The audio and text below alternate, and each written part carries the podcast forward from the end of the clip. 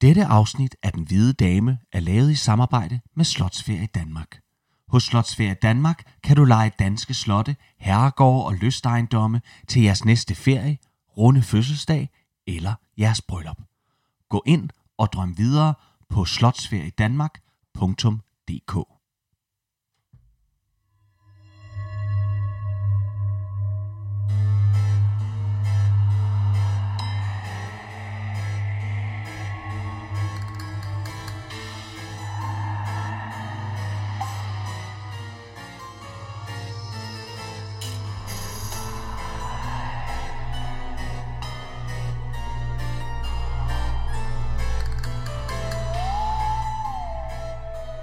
lytter til Den Hvide Dame. En podcast om danske herregårde og slotte. Og ikke mindst om alle de spøgelser, der bor der.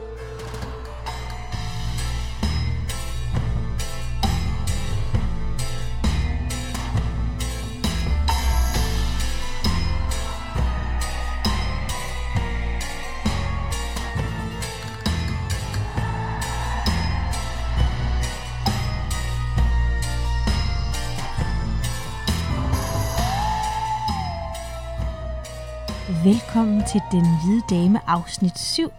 Hvis du er til Danmarks historie og gode gy, så er du kommet det helt rigtige sted hen.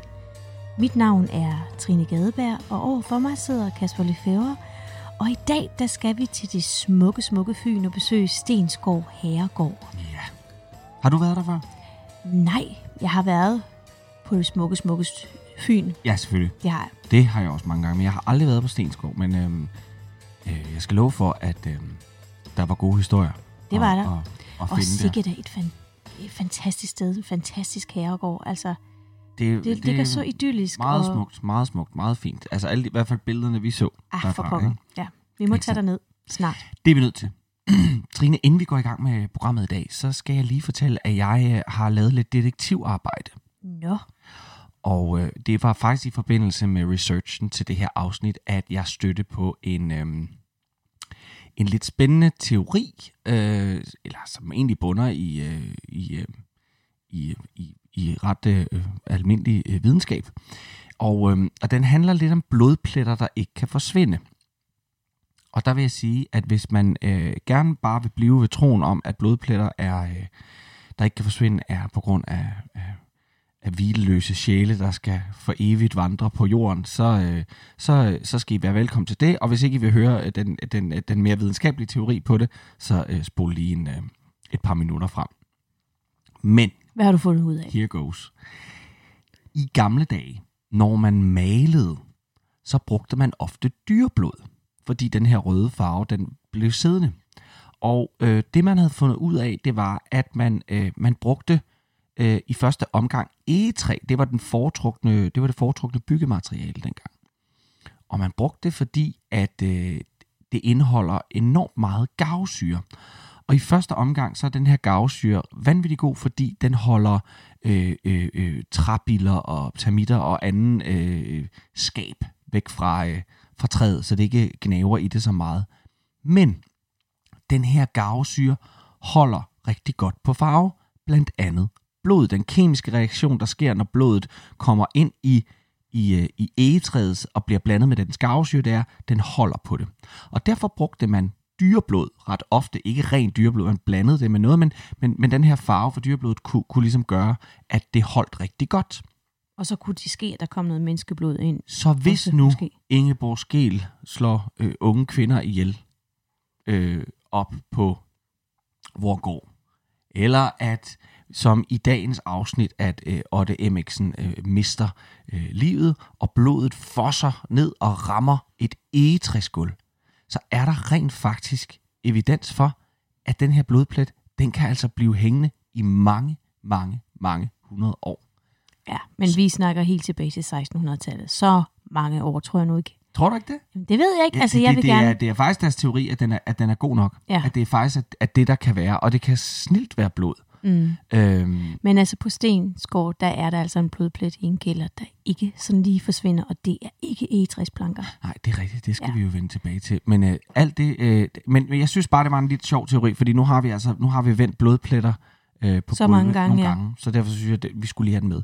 Men, øh, men øh, vi bliver sikkert øh, klogere lige om lidt, øh, når vi øh, kaster os ud i øh, historien om Stensgaard.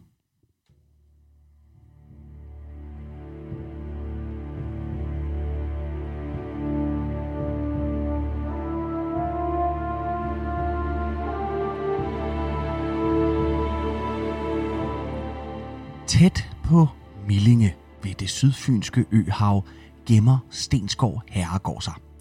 Under grevens fejde, der gik soldaterne rent faktisk få hundrede meter væk fra Stensgård uden at opdage det. Det ligger nemlig rigtig godt gemt af vejen. Landskabet omkring Stensgård, det er idyllisk. Små rislende bække, fuglefløjt, bakkelandskaber, stensatte diger, vandfyldte grave og smukke brosten, som leder op til den her smukke gamle Stenskov blev med al sandsynlighed grundlagt i begyndelsen af 1300-tallet af den elgamle adelsslægt Bjørn. Bjørnslægten har siden tidernes morgen været tæt betroet og en del af inderkredsen hos de danske konger og dronninger. Det sjove er, at bjørnslægten måske slet ikke hed Bjørn, men at den har fået navnet fra enten efternavnet Bjørnsen eller Bjørnsdatter. Det kan også skyldes, at fornavnet Bjørn har været flittigt brugt blandt mændene i slægten, og endelig så kan navnet måske tilskrives deres våbenskjold, som forestiller en sølv bjørnelap på et blåt felt med tilhørende sølvhjelm med, en, med et enhjørningehorn. Hvorom alting er, så ved vi, at stamfaderen han hed Olof Bjørnsen, og at han nok aldrig har boet på Stensgård. Efter ham følger barnebarnet, en ridder ved navn Olof Bjørnsen Bjørn. Og om ham ved vi, at han blandt andet var en af de medlemmer af Rigsrådet, der forhandlede med Hansestederne i Stralslund. Hansestederne og Hanseforbundet, det var jo det her handelsforbund, som mest af alt bestod af en række nordtyske byer, hvor store købmænd aftalte alt inden for handel og priser og handelsveje og byer, man måtte handle med, og i særdeleshed også byer, man ikke måtte handle med. Der var rigtig meget politik omgæret øh, Hansestederne, og derfor så har det været enormt vigtigt øh, og for de forskellige lande at være inde i sagerne hos dem.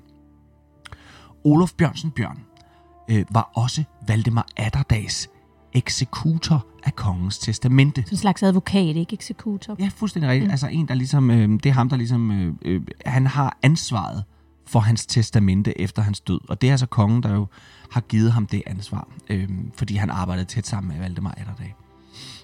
Så det har været en fin, øh, fin ting af ham. Han øh, endte sine dage, Olof Bjørnsen Bjørn, som lensmand på Gure Slot. Og måske kan I huske fra sidste afsnit, hvor vi talte om Kronborg, at Gure, det er jo det slot, som Erik Pommerns kron skulle erstatte som øh, førende fæstning i området ved Helsingør.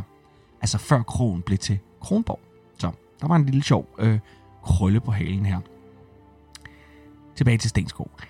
Her sidder der i 1391 til 1405 en Albert Andersen Eberstein, som ved sin død overlader stedet til sin hustru, som i 1412 sælger Stenskov til Bjørn Olofsen Bjørn, søn af Olof Bjørnsen Bjørn og oldebarn af Olof Bjørnsen.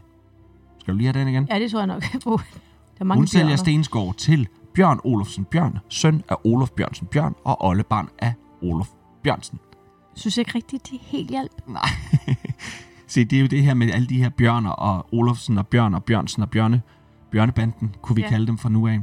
Det, det, det mindede mig faktisk lidt om, da vi, øhm, da vi snakkede om Gram Slot og chak, Nå, ja. der har siddet Ja. dernede. De hed, jo, de hed jo også Otto Didriksen og Hans og Hans Otto og Otto Hansen Didrik og Didrik Hansen Otto og så videre og så videre. Nå. Bjørn Olofsen Bjørn, han var ved sin overtagelse af Stensgård øh, i 1412 allerede ligesom sin far højt placeret og betroet af kronen. Han agerede i flere sager som stedfortræder for dronning Margrethe den Første, blandt andet ved Lindholm-traktaten i 1395, hvor Margrethe efter en del tumult og kampe med den svenske kong Albrecht af Mecklenburg endelig får skovlen under ham og vinder hele Sverige. Hun havde faktisk hele Sverige, vil jeg sige på det her tidspunkt, men hun manglede Stockholm. Nå, Den sad han på, så det var egentlig bare Stockholm, hun manglede. Den fik hun så der. Bjørn er også personligt til stede, da Erik af Pommern i 1397 krones til konge over Norden i Kalmar. Herefter bliver han lensmand på Næsby Hovedslot og også på Viborg. Hans sidste store bedrift bliver som domsmand i en strid om arven efter biskop Bo Mogensen i Aarhus, imellem dronning Filippa og biskoppens arvinger. Biskoppen han var i sin tid blevet hjulpet til magten som biskop af dronning Margrethe den 1. imod nogle større pengelån. Præcis hvad Filippa krævede af penge ved biskoppens død, det ved vi ikke. Men Bjørn Olofsen Bjørn lod i hvert fald dommen falde ud til kronens fordel. Efter Bjørns død i 1433 overgår Stensgaard til sønnen Johan Bjørnsen til Nilstrup. Han bruger stort set ikke Stensgaard, da han arbejder, ligesom sin far, øh, for det danske rige og på den måde er meget ude i verden. Han sidder i Rigsrådet, hvor han blandt andet forsejler foreningen imellem Danmark og Norge i 1450. Han overdrager Stensgaard øh, før sin død, altså mens han stadig er i live, overdrager han Stensgaard til nevøen Anders Jakimsen Bjørn til Vorgård, samt dennes bror Jep og søsteren Sofie. Anders Jakimsen Bjørns datter gifter sig med en Otte Emmiksen, som i 1494 køber resten af Bjørnfamilien ud af Stensgård. Ingen i Bjørnslægten havde jo som sagt brugt Stensgård særlig meget, men det skulle ændre sig nu under Emmiksen-slægten, som kom til at bruge slottet rigtig, rigtig meget og bo der fast, og ikke mindst udbygge til at blive stort og vokse til et stort landbrug. Og til Emmiksen, han tilkøber jord og andre gårde og får på den måde, som jeg sagde før, et sundt landbrug op at køre. Men selve den bygning, som vi i dag kender i udseende som Stensgaard Slot eller Stensgaard Herregård, den står Ottes søn Anders Emmiksen for. Men det sker først, da han, altså Anders, ligesom alle os andre i disse coronatider, bliver sat i isolation på Stensgaard. Det lyder lidt kryptisk. Ja, lad mig lige forklare en gang. Anders Emmiksen brugte ikke meget tid på Stenskov. Han arbejdede for kongen, ligesom alle andre foregående her, vi har hørt om, og var i den forbindelse en del i udlandet. Men Anders, han var en mand, der sagde sin mening. Og så havde han, lad os sige, en lemfældig omgang med loven. Første gang han for alvor render ind i problemer, det er, da han forfalsker en række breve, øh, hvor i at han bruger kongen ved navn, som på det her tidspunkt er Christian den 3. Altså, jeg tror, han har brugt... Øh, han har forfalsket nogle breve og sagt, at øh, kongen siger, og jeg Ja. har fået lov af kongen og sådan Ja. noget. Den, den, den går altså ikke. Nej. Men hammeren falder for alvor, da han på et tidspunkt ytrer sig kritisk om kongen, og på den måde gør sig skyld i en eller anden art for majestætsfornærmelse. Det er i hvert fald så voldsomt, at han idømmes husarrest. Med tilladelse til at gå i kirke, og så får han også en bøde på 4.000 rinske gylden. Så hvad skal Anders nu foretage sig? Se, i første omgang så får han tilsvunget sig en masse af den jord tilbage, som Bjørnslægten i sin tid havde lejet ud, og så bliver skatterne og afgifterne sat meget kraftigt op. En bonde ved navn Claus Basse mærkede især, hvilken plageånd Anders Emmiksen kunne være. Basse havde lavet en gammel aftale i sin tid med Bjørn Olofsen om leje af jord, og ikke mindst, hvor skældet imellem hans marker og Stensgaards marker gik. Den aftale mente Anders Emmingsen, var dybt forældet og ikke mindst ganske uretfærdig og forkert.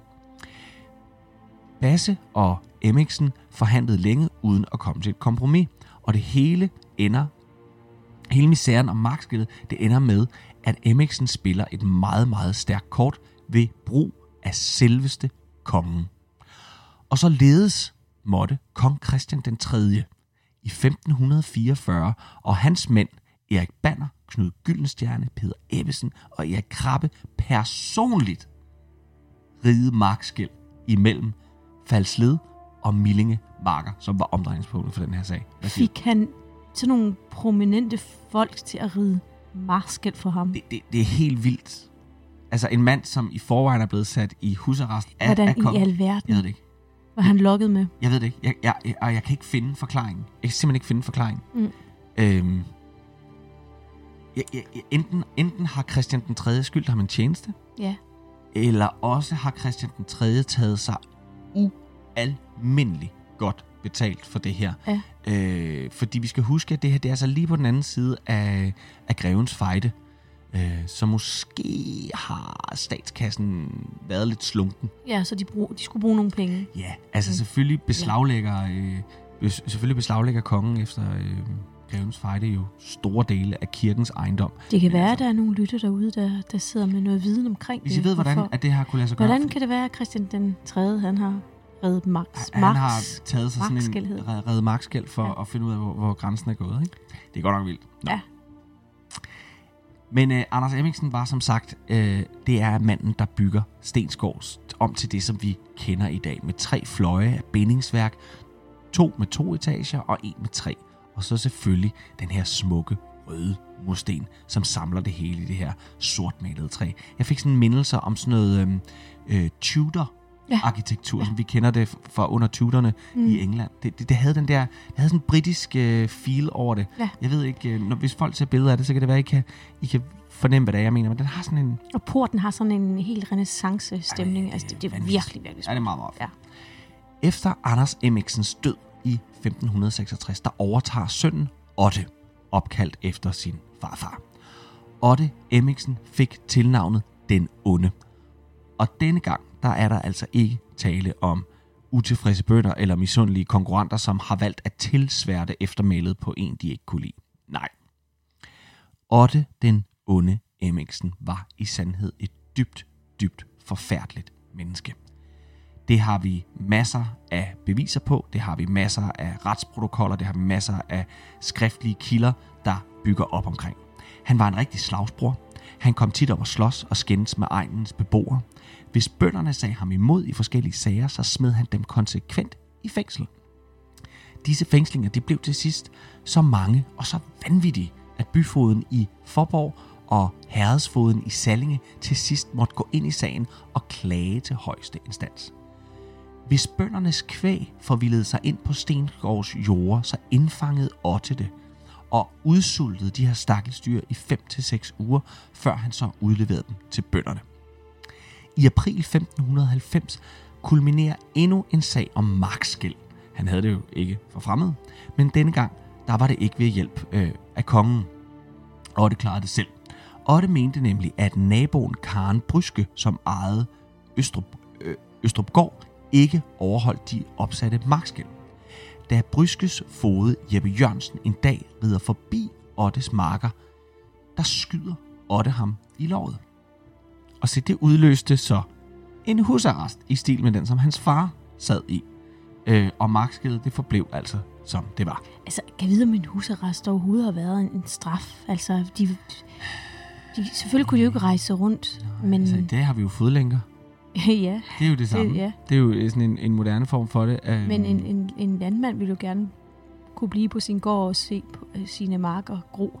Altså, sådan en som Otte, han har jo ikke kunne ride, øh, han har jo så ikke kunne ride omkring i, i, i området og genere folk. Nej. Han har måttet gøre det deroppe fra, ikke? Altså, Og det, er har, jo været, det har været en straf. Ja. Ja.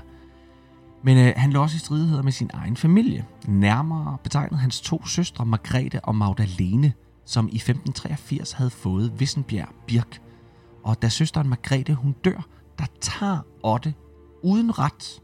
Han tager store dele af hendes jord fra øh, en gård, der hedder Grøftebjerg. ja. Og det fik han altså også øh, kraftigt påtale omkring. Så også her var den fuldstændig galt. Men han var faktisk meget, meget hård ved kvinder også, ikke? Fordi han havde, øh, han har været gift tre gange, ikke? Så han har jo fået slidt nogle kvinder, kvinder op. Fordi første gang, der var han gift med Anne Erik datter Bille. Øh, hun dør fra ham. Øh, og dernæst, så bliver han så gift med Dorte Pokvish, som også dør. Og slutteligt så bliver han så gift med Dorte Hesten, som overlevede ham. Og det gjorde hun altså kun fordi, at øh, der skete noget forfærdeligt. Fordi ens for alle de her tre kvinder var, at han behandlede dem simpelthen så skidt. Øh, I sådan en grad, at det var synligt øh, for alle. Men Dorte Hesten blev, som jeg sagde, hans sidste hustru. Og ligesom hendes forgænger, så var Otte modbydelig mod hende, mod hende. Og til sidst så tog hun simpelthen sagen i egen hånd, for det ville hun ikke finde sig i. Så den 5. juli 1594, der betaler hun hans kok og Jørgen Søfrensen, som var Ottes personlige tjener, det man kalder for en livdreng. Hun betalte dem 800 daler for at dræbe Otto Hemmingsen. Så klokken halv fem, eller mellem 4 og 5 øh, om morgenen den 5. juli, så sniger de her to gerningsmænd sig ind i Ottes soveværelse. Jørgen Søfrensen, han, øh, han holder vagt ved døren, og hans kok listede hen til sengen, hvor Otte sov dybt. Så hævede han højre arm hen over hovedet på Otte, og øh, i hånden der havde han en økse. Og så huggede han derefter Otte tre gange i ansigtet med øksen. Og så, øh, så stak de af. Hans og Jørgen de stak af til Assens, og derfra videre til, øh, til Flensborg, hvor hans kok blev pågrebet og ført tilbage, hvor han blev halshugget, og så blev han skåret i fire dele og blev sat på hjul og stejle på Sallingen Herreds tinge. Jørgen slap væk, og man har aldrig set ham siden. Og det var faktisk sådan, at Otte han overlevede et lille døgn med de her tre øksehug i ansigtet. Ja, Hvordan fanden kan man det? jamen det ved jeg ikke, men hans sidste tid, tid gik i hvert fald med at hive efter vejret. Ikke med sådan tre øksehug. Det, må- det må have været vanvittigt smertefuldt. Puha. Dorte Hesten, hun blev, hun blev aldrig retsforfulgt, øh, trods hun, hun tilstod. Men øh, hun blev nødt til at flytte fra Stensgård, og så blev Otte Emmingsen, han, han, hans begravelse, der blev hun nævnt i præstens tale som en såreslet kvinde. Det er lidt vildt, ikke? Og tænk sig, hun blev ikke retsforfulgt sådan mere end, end bare det.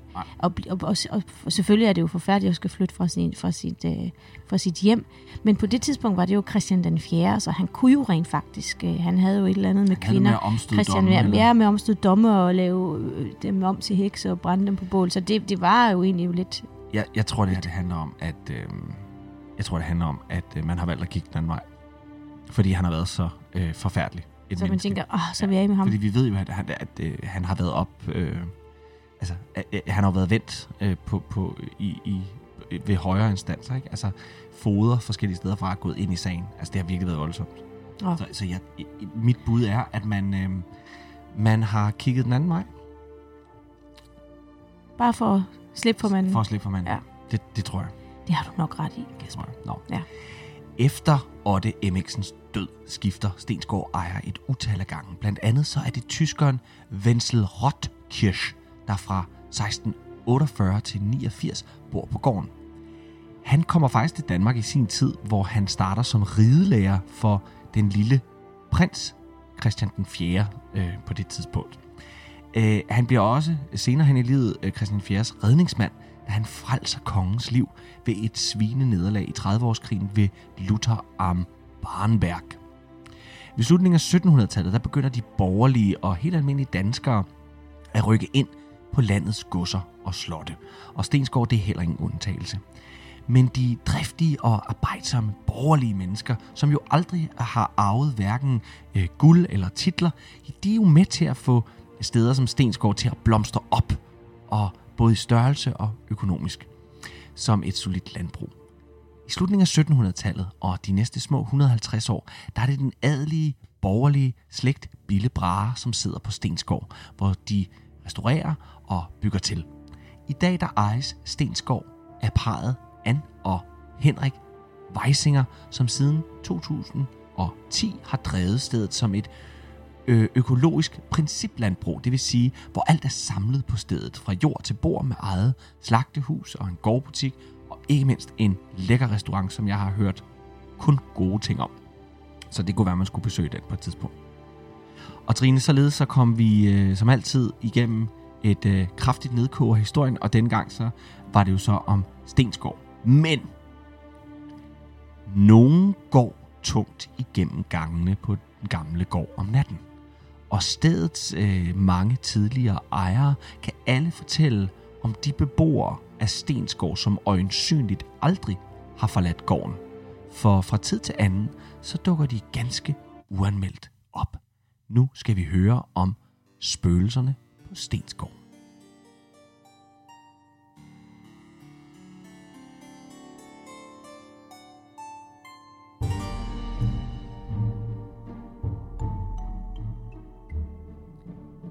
Kvindelig gæst på Stensgård, hun vågner, hun vågner midt om natten med den her ængstelige og meget ubehagelige følelse, som nogen måske kender, at man ikke er alene.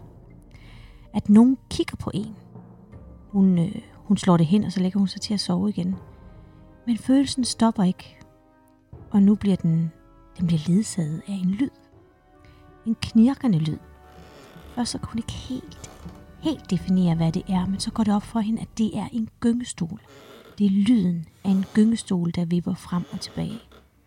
Hun sætter sig op i sengen, stryger en tændstik og tænder sterinlyset på natbordet, og der i skæret fra flammen, der får hun øje på en gammel dame, der sidder og rokker frem og tilbage, mens hun kigger ud af vinduet. I skødet har hun en stor bog, som er opslået. Og pludselig, midt i det hele, så stopper hun med at rokke. Og så drejer hun langsomt hovedet rundt og kigger direkte på kvinden i sengen og siger, Skal jeg læse højt for damen? Fuck. Kvinden føler, at halsen snører sig sammen, og hun begynder simpelthen at hyperventilere for at få vejret. Hun er i panik, og hun kaster sig under dynen. Og der bliver hun liggende, rystende og forskrækket til, det bliver lyst udenfor. Hvad tænker du om det, Kasper? Jamen, jeg kan godt fortælle dig, at øh, det havde været noget andet end øh, blod, der havde samlet sig ned i øh, gavsyren i egetræet, hvis det havde været mig, der havde sovet den seng. Og kæft, jeg synes, det er uhyggeligt. Jamen, det er uhyggeligt. Jeg synes virkelig, det er en uhyggelig historie. Ja. Det er simpelthen som taget ud af sådan en horrorfilm. Ja. Det er helt forfærdeligt.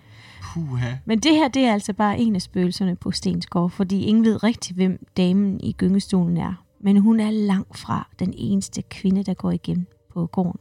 Dorte Hesten, som jo lod sin øh, onde mand øh, myrde, hun går ifølge historien også igen på Stensgården, fordi den hvileløse sjæl, hun vandrer rundt omkring om natten, iførte sådan et hvidt sørgehovedklæde, som var meget almindeligt for kvinder at bære op igennem barokken også.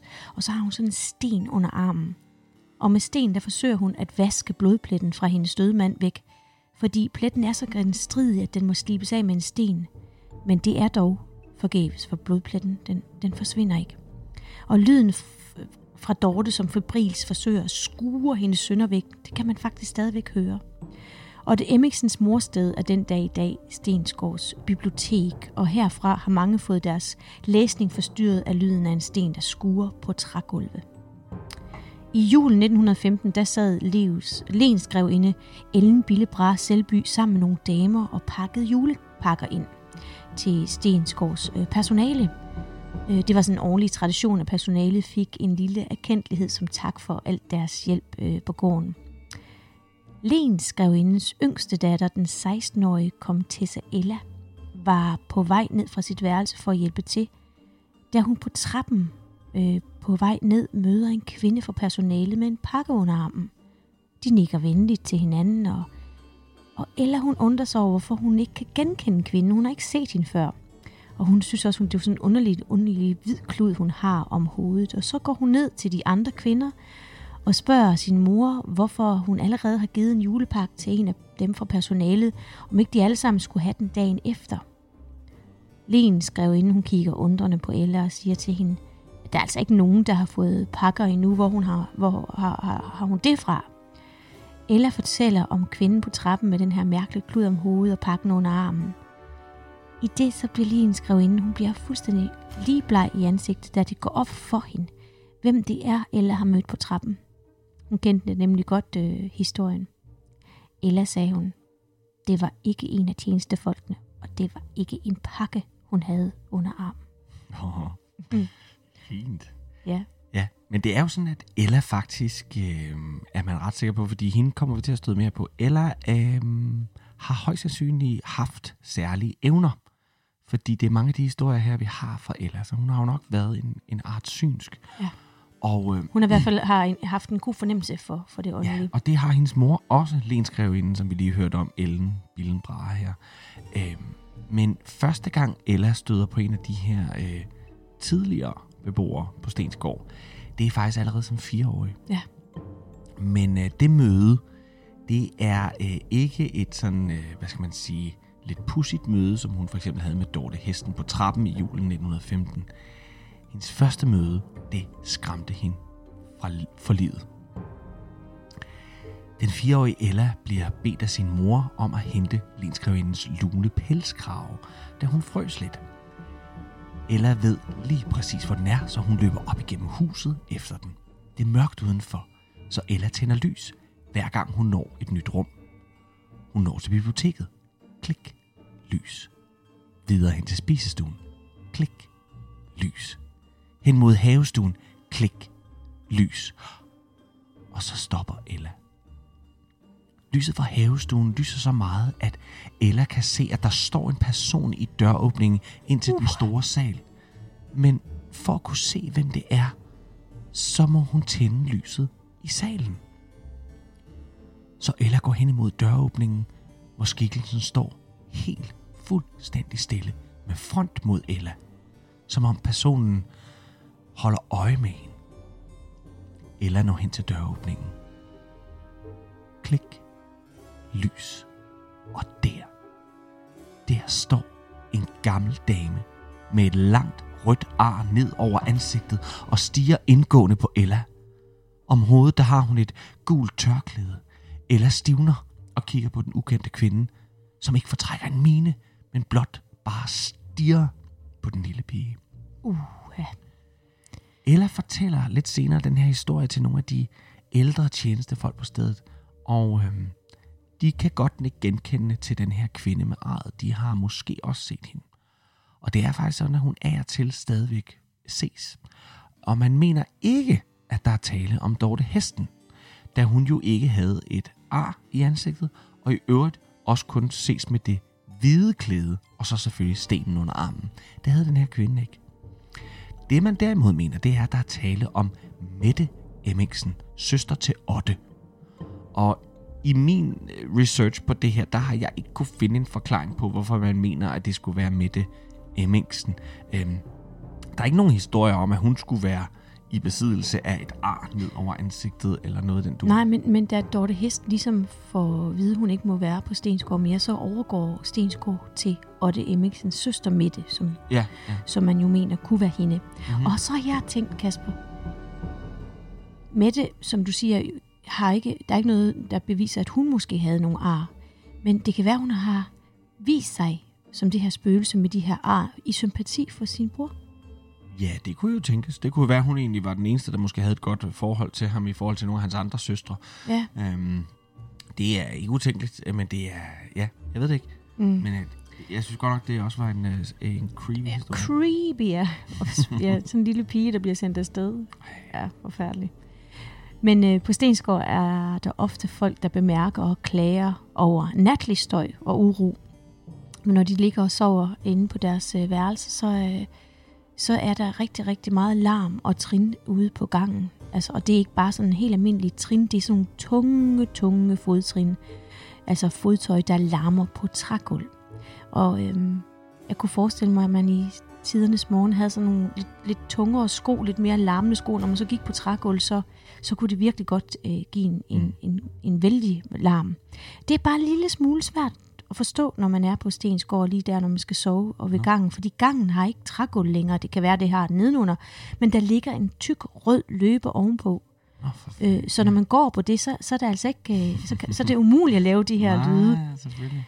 Men øh, når gæsterne så sover og vågner om natten for at se efter, hvad det er, hvad det er for nogle fodtrin, så, øh, så kommer man ud på gangen og tænder lyset, og så er der jo ikke nogen overhovedet. Len skrev ind i Bille, øh, Ellen Bille Brahe, hun, øh, hun havde de her lidt synske evner, og hun måtte så en nat ved, ved selvsyn, der måtte hun simpelthen øh, undersøge det selv. Så hun gik øh, i seng i, i riddersalen, øh, og vågnede så også op om natten ved den selvsamme larm af fodtrin på trægulv. Og hun skynder sig ud af sengen og fornemmer, at trinene de kommer tættere og tættere på hendes dør. Og lige hvor de, hvor de lige er uden for døren, så flår hun døren op, men gan- gangen er ganske tom. Og øhm, det må være en med kraftigt og larmende fodtøj, og, og nogen mener faktisk, det er Otte Emmiksen, fordi andre synske har også øh, bemærket en mand bevæge sig besværet rundt øh, omkring på gangen med tre dybe røde sår i panden. Det må være ham. Øh, førhen der var der sådan en svalegang rundt om, om Stensgård. Og øh, det er revet ned. Så et andet ægtepar, der, sk- der skulle over på, nat, på Stensgård, overnatte på Stensgård, de har haft en mystisk og meget, meget uforklarlig oplevelse. Fordi kvinden vågner midt om natten ved, at der var nogle tunge, tunge skridt, der lød som om nogen gik på brædder. Og det lød som om det kom udefra, som om nogen gik på en, på en svalegang. Og da hun kiggede ud af vinduet, så så hun faktisk en mand gå rundt udenfor. Nej. Og han gik jo nærmest, altså han gik, altså han var jo nærmest svævende, for der var jo ikke der nogen, der noget var ikke nogen svalegang. Han var iført sådan en, sådan en slags kappe, og så svævede han bare rundt og kiggede ind gennem alle vinduerne. Altså, hvis jeg havde set det, så var jeg, så havde jeg pakket mine ting Ja, og taget afsted. Men det er jo igen en af de der, vi kan huske øh, det op, øh, vi hørte også om det op ved hvor går, Ja, Ikke? at der også har været sådan nogle, at de her, de svæver uden for Ja, vinduet, fordi der har været gange derude, de kan kunne gå på. Ja. Og også den der historie med, øhm, også det der sted i England, hvor at, øh, at man også kun, når man sidder inde på en jo kun kan se fødderne af, af, Ja. et kompani romerske ja, ja, soldater, der kommer fordi at, forbi. øh, at øh, Ruten har været der præcis, i ja. sin tid, ikke? Ja. Men hun fornemmede faktisk også, at den var helt gal i kælderen på Stenskov, fordi øhm, i gamle dage, der var kælderen blevet fyldt op, fordi man havde, øh, man havde myrdet en kvinde. Nå. Ja. Og så har man gravet hende ned i kælderen, altså man har gravet et hul, så man smidt hende derned. Og så øh, folk, der havde haft mod nok til at, at besigtige kælderen efterfølgende, ikke, de blev skræmt af høje skrig fra kælderen, og hænder, der ligesom rakte ud efter dem og kylede grus efter dem. Derfor besluttede man simpelthen at fylde kælderen op, og øh, det, faktisk, det, det gik rigtig godt, fordi spørgerierne forsvandt. Men i 1900-tallet ville Henrik Bille Bra Selby, der ville han have anlagt en vinkælder selv samme sted, som, øh, som, hvor man havde puttet den her myrdede kvinde ned i hullet. Og da de graver ud til den, så er der altså ikke nogen lige. Men de ændrer ikke på det faktum, at synske mennesker stadig kan høre ting og sager foregå nede i, øh, i kælderen. Mm. En anden historie var, at øh, gæsterne på Stensgård, de øh, i en overgang kunne høre noget helt særligt. For hvis man sad og hyggede sig med en konjak i havestuen efter en udsøgt øh, middag, så kunne man lige pludselig høre vidunderlig klavermusik. Øh, et stykke af Chopin, Mm-hmm. og gæsterne de henrykkes, og de klappede i deres hænder og fortalte Ellen, Øh, eller Ella Bille Bra, som nu var blevet voksen og fungerede som vært inde på Stensgård, om den her vidunderlige musik. Ella hun troede, de lavede sjov med hende, for godt nok havde der været klaver engang i den gule salon, men det var der ikke mere. Men så på et senere tidspunkt, så øh, får Ella også den her melodi af Chopin at høre. Og øh, hun, øh, hun, hun hørte ikke kun det, hun hørte også nogle mere folkelige øh, øh, toner. Og det begyndte at skræmme gæsterne netop, fordi der ikke var noget klaver. Så en dag så går Ellen ind i den gule salon, øh, en dag hvor, hvor pianisten endnu en gang er grebet af musikken og ikke tænkte øh, på, de, øh, på de gæster, der var på Stensgård, at han netop kunne få skrækt dem med, med den her højlytte klavermusik. Så hun går simpelthen ind og beder spøgelsespianisten om at holde op, fordi det gjorde ikke noget godt for forretningen. Øh, og siden har man ikke hørt usynlig klavermusik, og det er jo faktisk lidt, lidt Ja, er ærgerligt i grunden, ikke? Det kan man da egentlig godt. Men hun var altså, hun var jo forretningskvinde, så hun var jo inde og sige, det, det skal stoppe nu, fordi gæsterne, de, de bliver bange. It's bad for business. Ja, yeah, it is. Så når de gæster går rundt og kigger på, hvor, hvor kommer den klavermusik fra, de kan simpelthen ikke høre det, jamen de, de, de har været skræmt for videresans. Nu kommer jeg til den her blodplet, Kasper, som vi snakkede om Altså, øh, helt ud- fra starten af. Ja, udover Ottes Yes. op i soveværelset. Der er Den nemlig der jo. en meget, meget øh, sandfærdig historie. En beretning fra en, der selv har oplevet det. Mhm. Fordi øh, en tidligere ejer af Stensgaard havde solgt sin sjæl til djævlen. Og da djævlen så kommer for at hente ham, så undviger ejeren af Stensgaard og nægter simpelthen at tage med djævlen, fordi det, han synes ikke, det var tiden, at han skulle afsted nu. Men djævlen blev så rasende, for de havde jo indgået en aftale, så han tager ejeren og knuser ham ind mod en væg i kælderen, så blodet simpelthen flyder. Og han efterlader en kæmpe blodpøl, øh, blodpøl og så skred djævlen ud af vinduet. Et vindue, der i øvrigt aldrig kan repareres siden da. Mm. Sådan helt. Øhm, den historie er også fortalt med en vagt i stedet for en tidligere ejer. Vagten skulle efter sine være faldet i søvn på jobbet, og fanden ville så give ham en lærestreg, hvortil han som i den foregående historie klasker manden op ad væggen i et blodigt virvar. Herefter skulle man så kunne høre vagten gå og synge vægtevers. Øhm, hvilket ikke rigtig giver mening, medmindre han var vægter og ikke vagt. Men, men, det var, men det er jo sådan to varianter af samme historie. Ja, ja, fordi en, en vægter går jo og synger Klokken er er 12, og alt er Ja, godt. ikke? ja, ja. Men en vagt går vel ikke og synger. Det ved Nå. man ikke. Det kan være, Nej, nej, det kan være, at vagten gjorde det i tidens morgen. Men en skoleklasse skulle på lejerskole i nærheden af Stensgård. Og det var så i øvrigt også tradition øh, når de nu var på lejrskole, at de skulle så besøge øh, Stensgård og have historien omkring Stensgård. Og eleverne havde i forvejen hørt om den her blodplet i kælderen, der ikke kunne vaskes væk. Mm-hmm. Og så var der sådan to drenge, der ville lave lidt fis med deres lærer. Og helt tilfældigvis så var Stensgård på øh, den dag, hvor de var på besøg, den var ved at blive kalket. Så i et ubevogtet øjeblik, så øh, tager de to drenge en kalkekust, og så kalker de blodpletten over. Mm-hmm. Og så vender de ellers øh, tilbage til rundvisningen, og så øh, da klassen så med læreren kommer ned i kælderen og skal se den her blodplet, så var blodpletten lige så ræverød, som den var, før de kalkede den over. Okay. Og det var det, du mente med, at det er jo fint nok med gavsyre i E3, men det her det er altså på stengulv, Ja, at øh, en blodplet jeg kunne vaske ja væk. den, den, øh, den kan simpelthen ikke vaskes væk. alligevel vildt, ikke, at Stensgaard ligger inde med to blodpletter. Ja. Altså, der er jo den for Otte også, ikke? Jo. Og selvfølgelig Otte, den onde. Nixon, som hver nat rider den samme rute. Han rider fra Svanninge Kirke, hvor han ligger begravet, til Stensgård, hvor han blev myrdet. Han rider altid den samme rute med den samme sorte hest. Hesten har rødglødende øjne, og hestens ånde det er ren ild. Otte selv er også rødglødende under den sorte kappe. Og der rider han altså den samme strækning fra Svanike Kirke til Stensgård. Og hver aften skal han passere et bestemt led, som han skal åbne for at ride igennem. En nat så er der en skovløbers kone, som våger sig ud til ledet for at se ham komme ridende. Og ganske rigtigt, han kommer i fuld fart på sin sorte hest. Hun råber efter ham, og han stopper hesten. Og derefter kaster han en håndfuld guldmønter ned til hende, og så rider han videre.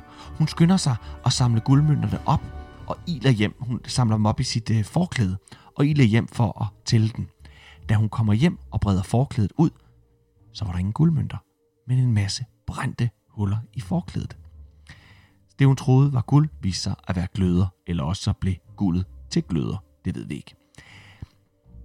De her historier om natterider, fordi de har fået deres helt eget navn, øh, som vi jo blandt andet kender fra her fra den hvide dame, kender vi det fra Gram Slot med, øh, Med Hans Jacques. Jacques, som kommer ridende hver nat. Ja.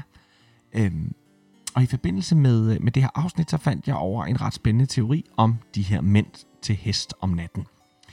Teorien går ud på, at de i virkeligheden, mange af dem er gamle nordiske guder og helte, som i sin tid ifølge øh, det gamle asatroende folk jo besøgte mennesker og medbragte gaver, øh, når de kom fra, fra Asgård øh, her til os for at besøge.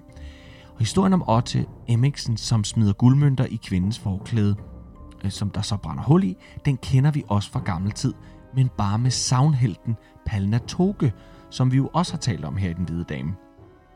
Palnatoke, det var jo den her fynske vikinge savnhelt. Øhm, sagen er så, at øh, man mener, at da Danmark så blev et kristent land, så mistede de her gamle guder og helte deres magt. Så når de gav gaver, så brændte de enten hul eller forsvinder på anden vis, da det nu er kirken, der har magten igennem øh, Kristus i, i landet. Det synes jeg er meget sjovt, at, øh, at, at de stadig er der. Ja. Kirken anerkender, at de er der, mm. men, men at de har mistet deres, deres magt på den måde. Nå. Med de ord, så vil vi gerne sige tak for denne gang. Og inden vi skal sige helt og aldeles farvel, så skal vi lige høre om noget helt særligt, netop hvad der kommer til at ske næste gang. Og det er nemlig lidt særligt, hvad der kommer til at ske. Det er første gang i vores podcast historie, at vi skal, vi skal on location. Vi skal ud af huset. Vi skal optage den hvide dame på Børglum Kloster, hvor klostrets øh, frue Anne Rotbøl vil tage os med rundt og fortælle historien om det her fantastiske sted. Vi er helt vildt spændte på, om hun måske er rent ind i stykkekrumpen eller andre Børglum Klosters tidligere beboere. Men det er altså om en uge, at den hvide dame er on location. Husk, at du som altid kan støtte podcasten her igennem tier.dk med et valgfrit beløb, og at du kan give os en fem, femstjernet anmeldelse på iTunes. Tak til dig, Trine, Tak til dig, Kasper. og indtil vi ses igen, så må I alle sammen have det uhyggeligt godt.